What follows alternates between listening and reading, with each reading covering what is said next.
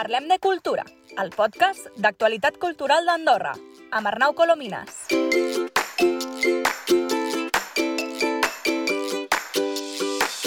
Salutacions i benvinguts al Parlem de Cultura, el podcast cultural d'Andorra produït per Culturalia, que a partir d'ara us portarà en les diferents sessions d'aquest petit programa l'actualitat cultural del país. L'objectiu d'aquest podcast és aconseguir fer un reflex de tot allò que es fa de cultura a Andorra, que se'n fa moltíssima cosa, i aconseguir també que vinguin aquí, eh, que s'acostin als estudis de Culturalia els seus protagonistes. Tota aquella gent que ajuda a que funcionin els projectes culturals, aquells que en creen de propis, aquells que hi estan vinculats d'alguna o altra manera, els programadors culturals, els artistes, els gestors i un seguit de persones que vindran aquí que ens aniran explicant, doncs, com dèiem abans, l'actualitat, què és el que està passant al país, què es cou en el sector de la cultura. I avui en aquest primer programa hem convidat en Joan Marc Jubal. Ell és el cap d'àrea d'Acció Cultural del govern d'Andorra i, per tant, una de les persones que no només eh, fa més programació cultural, sinó que ajuda al resta de la gent a que puguem fer diferents projectes. Projectes com, per exemple, alguns dels podcasts de Culturalia, que han estat objectes de subvenció del govern d'Andorra. I precisament d'aquestes subvencions és del que parlarem avui amb en Joan Marc.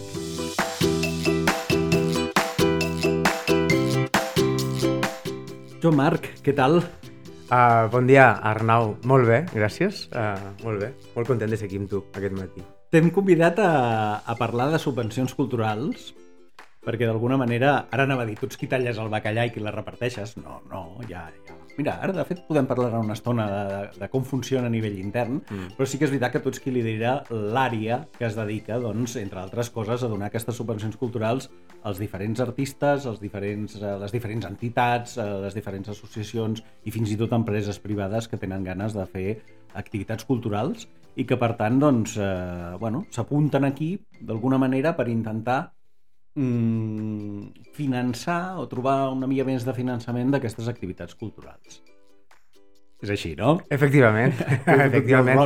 L'àrea d'acció cultural, a la qual soc el, dirigeixo, diguem, és l'àrea responsable per les subvencions culturals. I, però és un projecte una mica bastant d'àrees, bastant transversal, uh -huh. i particularment enguany, que, li hem, que hem fet una revisió profunda de les, de les bases de cadascuna de les modalitats, uh, i després de, de, de, de qüestions conceptuals al voltant del, del que han de ser del que ha de ser un programa de subvencions, ha estat realment un diàleg eh, que potser sí que he, he capitanejat jo o, o, o he portat més la iniciativa perquè es fes, però realment eh, l'equip tècnic, eh, que en saben molt, fa molts més anys que concedeixen subvencions que jo mateix, uh, entre, ho hem revisat i reconstruït entre tots, realment. Exacte, no? La, el concepte seria aquest, no? que són unes noves subvencions, per dir-ho d'alguna manera, és a dir, que qui ja hi havia participat, qui havia demanat algun calaró per poder fer alguna activitat cultural, doncs no li semblarà una cosa molt estranya ni li, ni sonarà xino,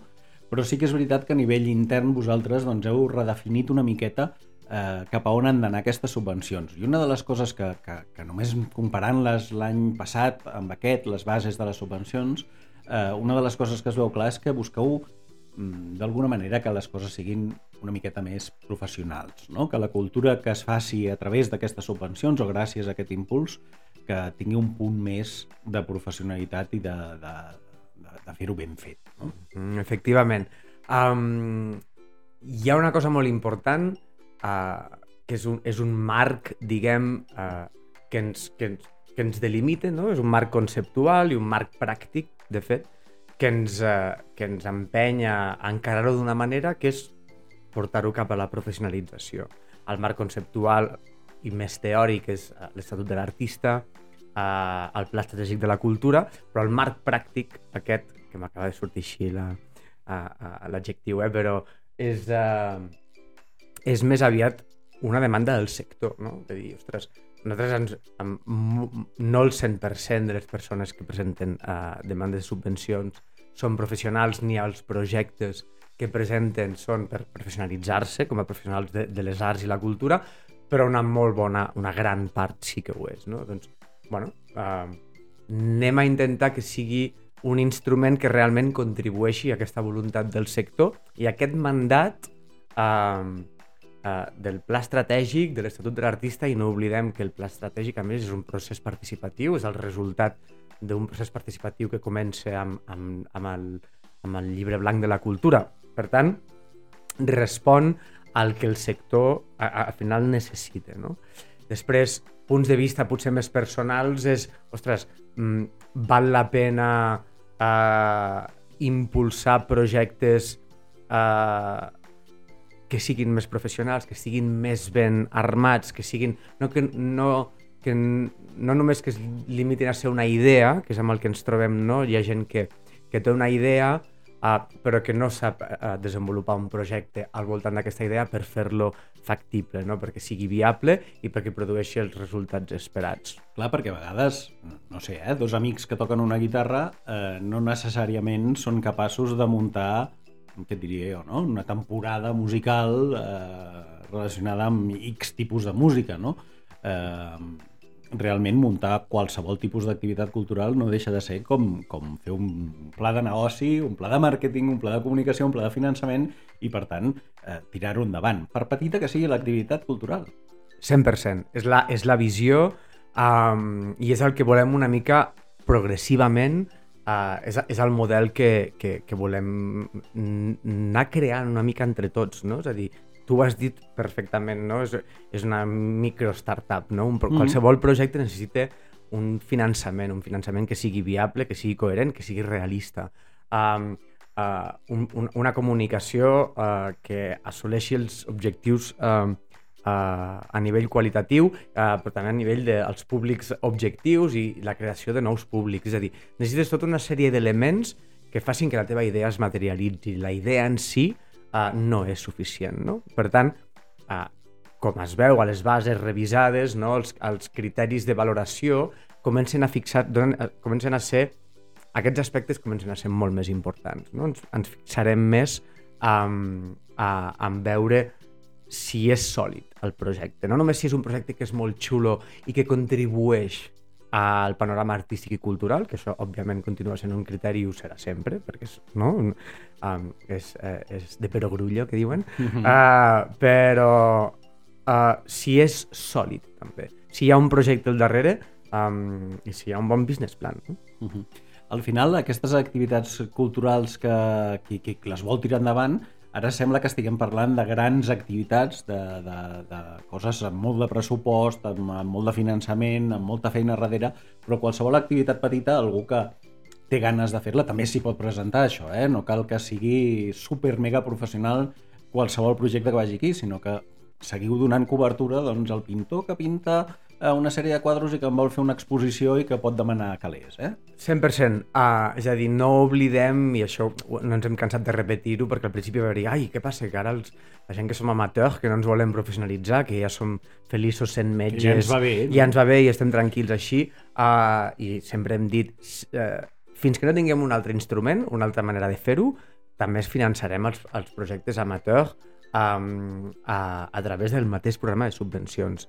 Uh, ja veurem com si s'ha de desdoblar, no? unes subvencions per la professionalització uh, dels professionals i les professionals de, de, la, de la cultura i les arts i un altre programa de finançament per als amateurs, no? per aquell...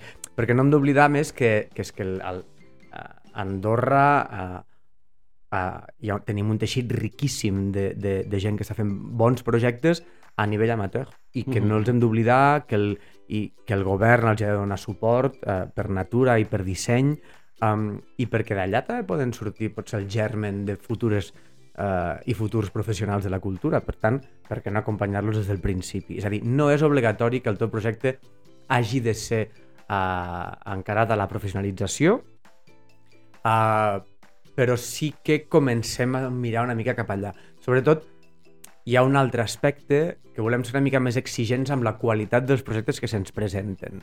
Perquè al final estem parlant de diner públic, és a dir, del diner de tots, no? I hi ha molta, hi ha molta gent que mm, presentant dos idees amb un paper mal garbades sí, sí. i tal, es pensen que ja tenen com dret a, a obtenir subvenció.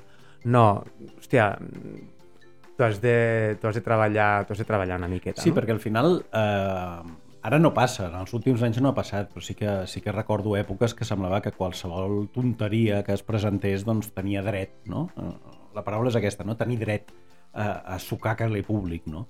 i al final hi havia autèntics, hi ha autèntics professionals de la subvenció que gairebé només es dediquen a, a, a pescar d'aquí i, i no a crear altres coses que per una banda està bé, com deies, eh? el, el crear teixit, crear, crear projectes, crear coses d'aquestes, i per l'altra és doncs, bueno, que, que si ens podem professionalitzar tots els que estem en el món de la cultura, doncs serà molt millor pel sector, perquè al final eh, tu i jo ja n'hem parlat més d'un cop a nivell privat, però ara que som aquí en el podcast també una de les intencions és que Andorra pugui tenir un, un teixit cultural, unes indústries culturals que funcionin d'una manera sòlida. Evidentment no, no seran el 30% del PIB mai, no?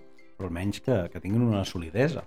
Mira, i a més, uh, uh, has fet servir la paraula que jo faig servir, no? Comença a construir uh, una cultura andorrana feta, feta al país uh, que contribueixi al PIB. I, I això per què? Perquè al final, si no, uh, la gent no se la pren massa seriosament, la cultura, malauradament, no? o se la pren com una cosa molt d'entreteniment, però a partir del moment en, en el qual eh, es comença a treballar a crear unes indústries i, i ha de ser un projecte molt ambiciós però escalat a, la, a, a, la nost a les nostres possibilitats mm. i les nostres capacitats. No?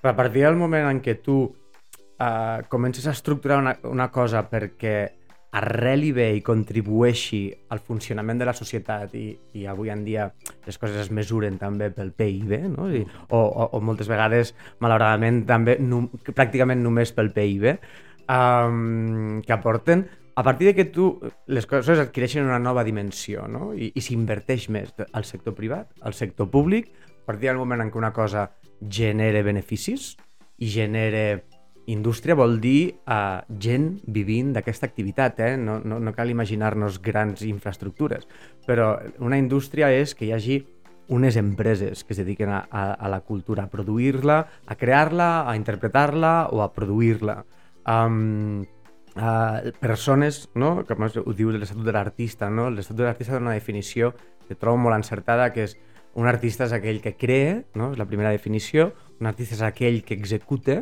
un actor, un músic, i un artista és també aquell que ofereix uns serveis sense els quals eh, el treball d'aquells que creen i interpreten no serien possibles. No, és a dir, tots els tècnics, les els professionals de la comunicació, com el vostre cas, per exemple, um, és a dir, tota aquella gent al voltant, no? els, que sé, els dissenyadors de vestuari, uh, no? que executen una visió o aporten una, una, una, una, uh, un valor tècnic. Uh -huh. En qualsevol cas, el punt és que si aconseguim que més gent visqui d'això, perquè és que ens ho han demanat, i aconseguim que hi hagi cada vegada més empreses, que no seran macroempreses, bueno, no se sap mai, no, però uh, més empresetes, i això esdevé un petit sector, um, tindrem més cultura, millor cultura i gent més contenta amb la cultura. I a més a més altres, altres eh, fonts de finançament, perquè sembla que que la cultura gairebé sempre hagi de ser pública i subvencionada, però, mm, per exemple, no? amb, amb la llei del mecenatge i del patrocini, doncs s'obre també una altra via per, eh, per aquest finançament de, dels projectes culturals una altra via que està, que està molt bé, que, que, que realment des del sector fa molts anys que reclamem i que ara sembla doncs, que ja s'ha posat fil a l'agulla i que serà una realitat en breu. 100%. Um, hi ha un dels principis és a dir, el que, si no, ho deia abans, si hi ha indústria, hi ha PIB, hi ha sector privat. No? El, el, el, a més, en un entorn com Andorra, en el qual la cultura, més, sempre ha estat molt acompanyada només pel sector públic. No? Bueno, hi ha hagut èpoques de tot, de fet. Hi havia una, èpoques als 80s i als 90s en el qual el sector privat um, que era molt fort, el sector bancari, per exemple, no podien permetre's, avui, és, avui les condicions són diferents, però es podien permetre invertir en cultura i ho feien molt i, i ho feien a més amb una visió d'estat, no? perquè abans ni es desgravaven, ni, però feien amb una visió de construir país i era una cosa molt xula. Jo era molt petitet però me'n recordo d'això.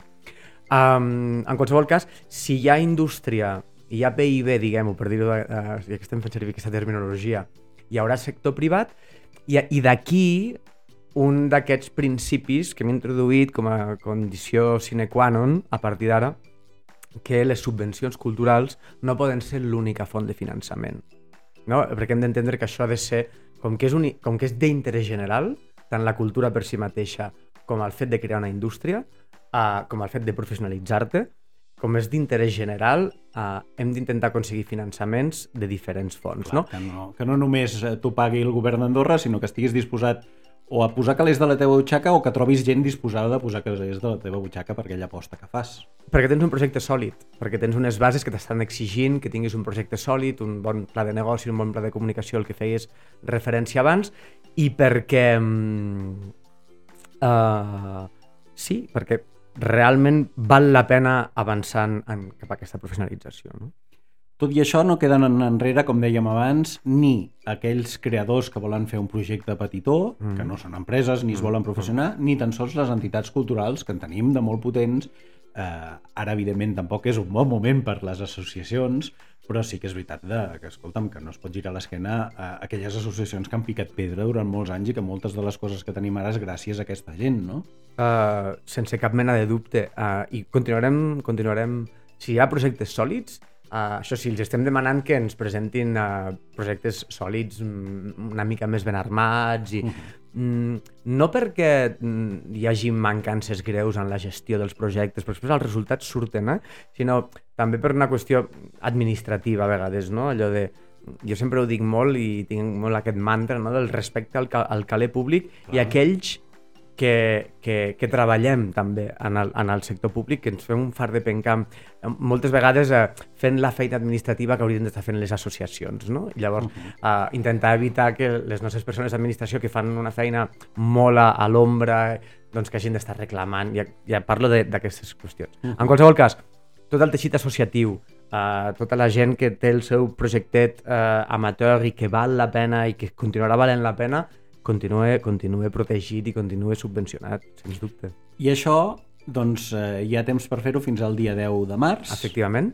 I qui vulgui fer-ho doncs, s'ha de regir per unes bases Sí. que, que van ser publicades fa, fa unes setmanes al BOPA i que es poden trobar a tràmits.d. Exactament, a tràmits.d, a, sí. A l'apartat, eh, si no m'equivoco, de concursos i subhastes. Efectivament. Aquí doncs, hi ha les bases aquestes, es poden descarregar i allà es pot veure quina és la documentació que cal entregar. Exacte. Sembla molt feixuc, però si realment el projecte que hi ha darrere doncs, és un projecte ben pensat, tampoc és una cosa molta feinada. Eh, tampoc cal anar a una empresa professional, que si volen venir, eh, estarem encantats els professionals que ens dediquem a això, però tampoc no cal anar a una agència professional que es dedica a, a crear projectes culturals amb una idea, eh? sinó que un mateix s'ho pot fer i que està pensat perquè sigui d'una manera fàcil, però això sí, eh? que encara que sigui amateur, que no sigui mal fet. Eh? Que una associació, un particular o una empresa vulgui fer un projecte, per petit que sigui, sigui un projecte, com deies tu, sòlid, que és la paraula que m'ha agradat, Mm. i ben fet. No? Sens dubte, sí.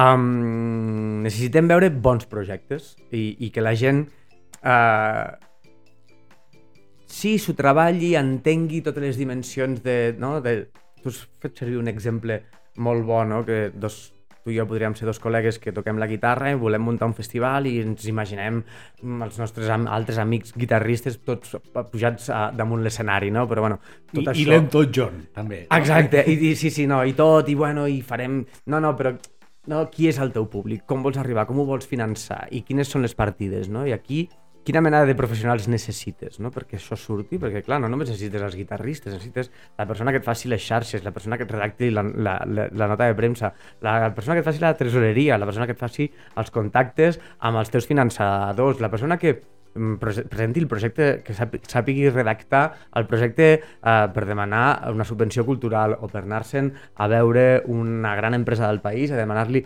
Necessites realment estructurar el teu, el teu projecte, no? Um, aquí no, no parlem de tecnologia, no? però fins i tot no? si perquè parléssim de desenvolupament uh, de tecnologia, eh, qui, qui és el teu uh, director de, de desenvolupament tecnològic, no? que no és el cas. Bueno, podria ser, O sí. podria arribar a ser, exacte. Però vull dir, perquè la, la gent entengui uh, com uh, s'estructura i sàpigui explicar-ho, perquè així és que a poc a poc anem donant valor a cadascuna de les feines eh, que intervenen en, en el desenvolupament d'un d'un um, d'un projecte cultural o artístic.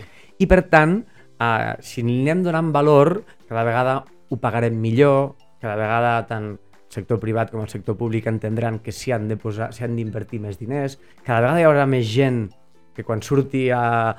Si anem creant tot això, i ara cada vegada el que deia, no? més empreses, eh, més persones, la gent que va estudiar fora humanitats, belles arts, arts visuals, coses, cada vegada podran tornar més cap al país. És a dir, és una visió a mig termini, mig llarg termini, eh, que s'ha de començar per alguna banda, no? I jo penso que el, el pla estratègic, um, el llibre blanc, el pla estratègic i després l'Estatut són com una base legal que ens dona no? la, la, la visió, la, saps? La, uns instruments, ara hem de construir la visió, hem de construir la...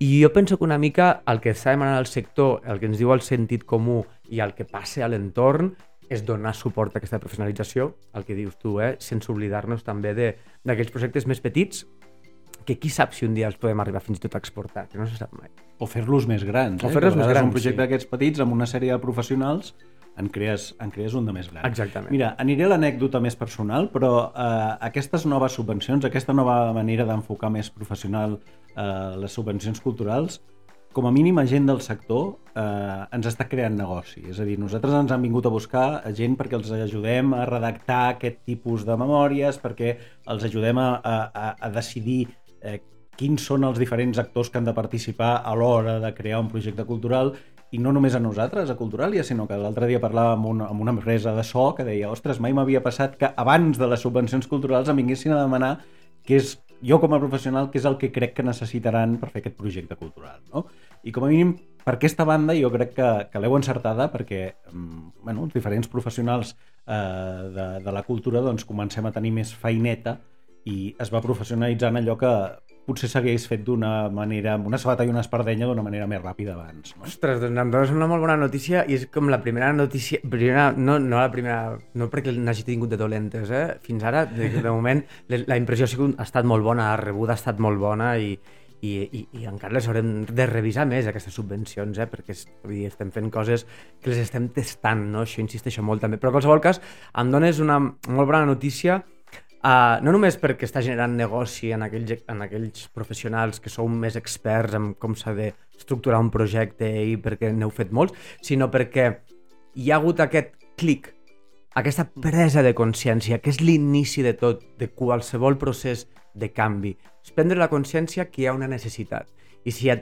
És a dir, jo ja em dono mm, per satisfet gairebé el 50% del, de, dels objectius que tenia repensant això. Si la gent ha pres la consciència i ha anat a consultar als professionals tècnics, els ha anat a demanar un pressupost real, no? Ostres, si vull muntar un festival de guitarra amb el meu col·lega, um, quin equip de so necessito realment i quan costa això i els teus serveis quan costen i tot això ens ho expliquen després a la...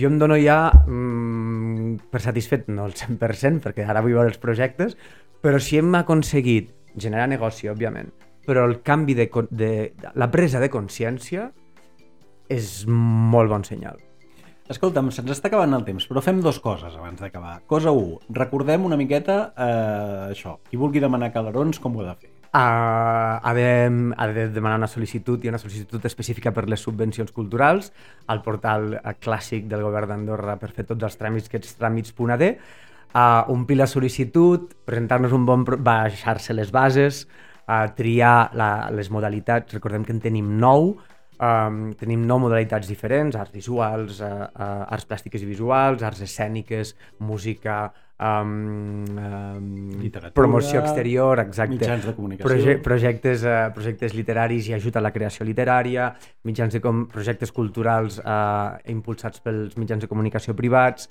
i l'ajut a la cinematografia uh, va descarregar-se la, la modalitat, llegir-se-les molt bé, uh, que no ens truquin, per favor, uh, um, sense llegir-se abans les bases, perquè jo penso que hem fet un esforç també en que s'entengui tot molt bé, és tot molt, està tot molt simplificat, i construir un bon projecte i presentar-lo abans del dia 10 a, al servei de tràmits i a partir d'allà doncs, eh, nosaltres encenem la maquinària.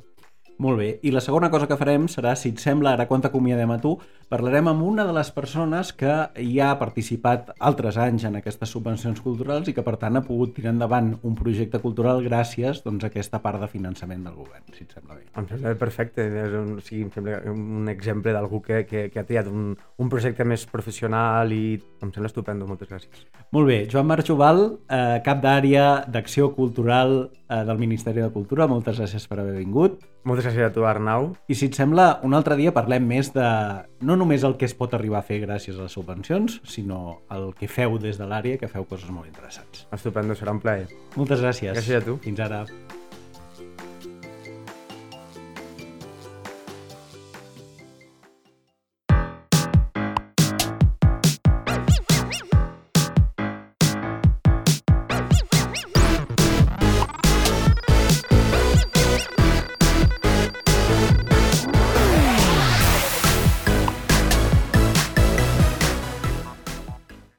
Doncs, com dèiem fa un moment, ara ens posem en contacte amb la Maria Caminal. Ella és la directora del curtmetratge Mariana, un curtmetratge que ha estat possible gràcies, entre moltíssimes altres coses, a part del finançament que ha estat donat pel govern d'Andorra a través de les subvencions culturals.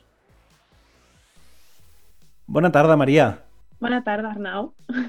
Escolta'm, eh, com dèiem a la presentació d'aquesta secció, estàs a punt, a punt, a punt, a punt d'estrenar un curtmetratge, Mariana, que s'estrenarà, si no m'equivoco, demà dijous. Sí, sí, sí, demà farem l'estrena oficial a les 8 de la nit a la sala Consorci al Centre de, de Congressos d'Andorra la Vella. I més tard farem una taula rodona uh -huh. on participen bueno, doncs, la Cristina Fernández, que és advocada especialitzada en violència masclista, i la Mònica Álvarez, que és la psicòloga externa, ai, experta perdó, en assetjament sexual perquè Mariana gira al voltant d'aquest tema, no?, precisament. És, un, és una història que narrada des dels ulls de, de la protagonista Mariana, que la interpreta Victoria Santos, i és una dona que arriba a Espanya i necessita treballar per poder mantindre amb ella i a la seva filla d'11 anys. I el que li succeeix la nostra protagonista és que ha de patir abusos sexuals per, per cap del seu, o sigui, per part del seu cap que es diu David i és interpretat per Nacho Guerreros, que Nacho Guerreros és um, actor de La que s'avecina. Uh -huh. I um, és molt curiós perquè és una història que veus a la, a la protagonista en la seva versió com a mare, no? com a protectora, i també a la seva versió com a lluitadora, no? que moltes dones passem per aquest tipus de, de doble vida i que, i que és molt complicat a portar-la a terme i no, i no se'ns escolta el, el suficient. Uh -huh. Un, un, un uh, curtmetratge, perdona, que sembla, que sembla dur, eh? Més que dur, mm, jo el definiria com real. Moltes dones pateixen... O sigui, no, justament no es parla, eh? però, però moltes dones, el, el 17% del, del 100% de, de, de l'assetjament uh, passen en entorns laborals. Vull dir, és més comú del que pensem. Déu-n'hi-do. I escolta'm, aquest curtmetratge és un curtmetratge que, que bueno, d'alguna manera ha vist la llum en part gràcies a una part del finançament d'aquest curtmetratge que ve de les subvencions culturals que atorga el Ministeri de Cultura del Govern d'Andorra, no? Sí, correcte. De fet, um, això es va establir... Això, vaig presentar el projecte el 2021 i em van donar les subvencions i, bueno, la subvenció i gràcies a aquesta part de la subvenció doncs vaig poder fer el, el, el curtmetratge, que uh -huh. no va ser gens fàcil. Uh, I adquirir les subvencions, és a dir, presentar-te, uh, omplir tota la paperassa, aconseguir doncs, tota la documentació que, que es requereix, etc etc. va ser complicat? Ho recordes com, com una cosa difícil o no? A mi, difícil no, però en el meu cas, que sóc una persona que treballa molt a Barcelona i, i tenint en compte que s'ha de, o sigui, de presentar tot el paper, tots els papers uh, de manera presencial, sí que va ser una mica més, um, més complicat portar-ho a terme, però ho vaig fer igualment. Simplement que a l'hora d'emplenar tots els papers, um, molt bé, la veritat que no vaig cap tipus de problema i, i, i la, sí, el Departament de Cultura sempre va estar amb mi per qualsevol tipus de dubtes o problema que tingués. O sigui, amb això no tinc cap tipus de, de, de problema. I, I és fàcil, no? Realment, o sigui, és entregar la documentació, eh, hi ha un veredicte per part del Departament de Cultura que diuen a qui, a qui atorguen i a qui no atorguen aquestes subvencions i quan, quan et fan arribar els diners, d'alguna manera, el, els dos passos que queden és gastar-te'ls, lògicament, amb allò que, que has explicat que te'ls gastaries i després justificar-los, entenc, no? Sí, justificar-los i, i entregar-lo tot presencialment a, a l'Hotel Rosaleda, de fet, allà en Camp. Uh -huh.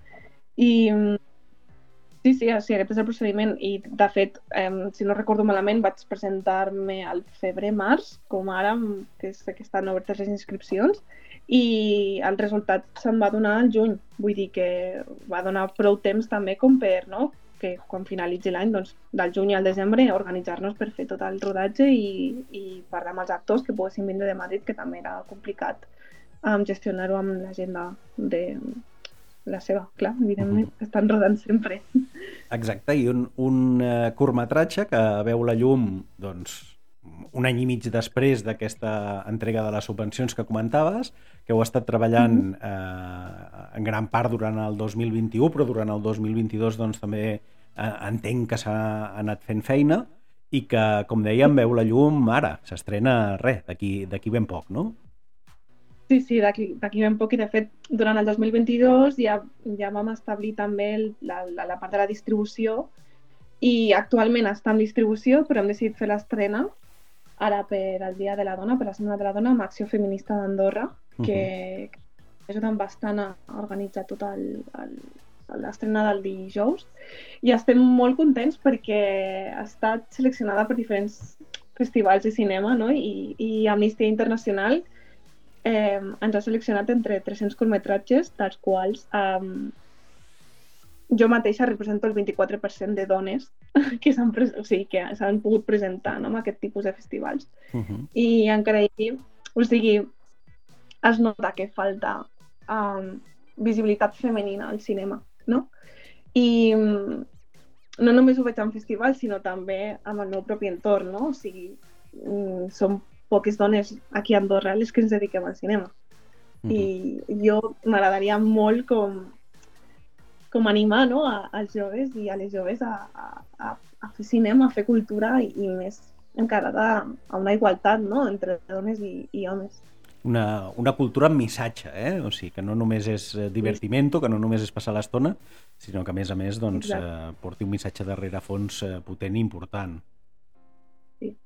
-huh. Escolta'm, uh, Maria, si et sembla, uh, ens emplacem a veure el, uh, el teu curtmetratge uh, dijous al vespre. Uh, estem molt frisosos de poder, de poder veure'l, de poder veure talent del país uh, fent la seva feina, fent en aquest cas uh, aquest, uh, aquest uh, curt, i tenim moltes ganes també de parlar algun dia amb tu amb més calma eh, si et sembla, de cinema, de, de l'aposta que fa també, mm, ja no només el govern d'Andorra, eh, sinó diferents estaments del país, fins i tot eh, festivals privats, eh, pel, pel cinema del país i per intentar donar impuls a les arts eh, creatives des d'aquí Andorra, no?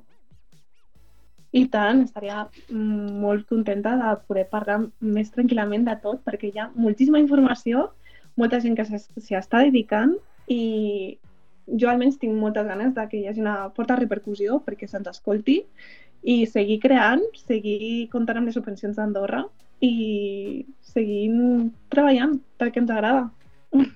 Molt bé, Maria, doncs eh, fem això. Ens seguim parlant un dia d'aquests. Moltes gràcies per haver participat en aquest eh, primer podcast eh, que hem gravat per, per l'actualitat cultural del país i, si et sembla, anem parlant. Gràcies, adeu-siau.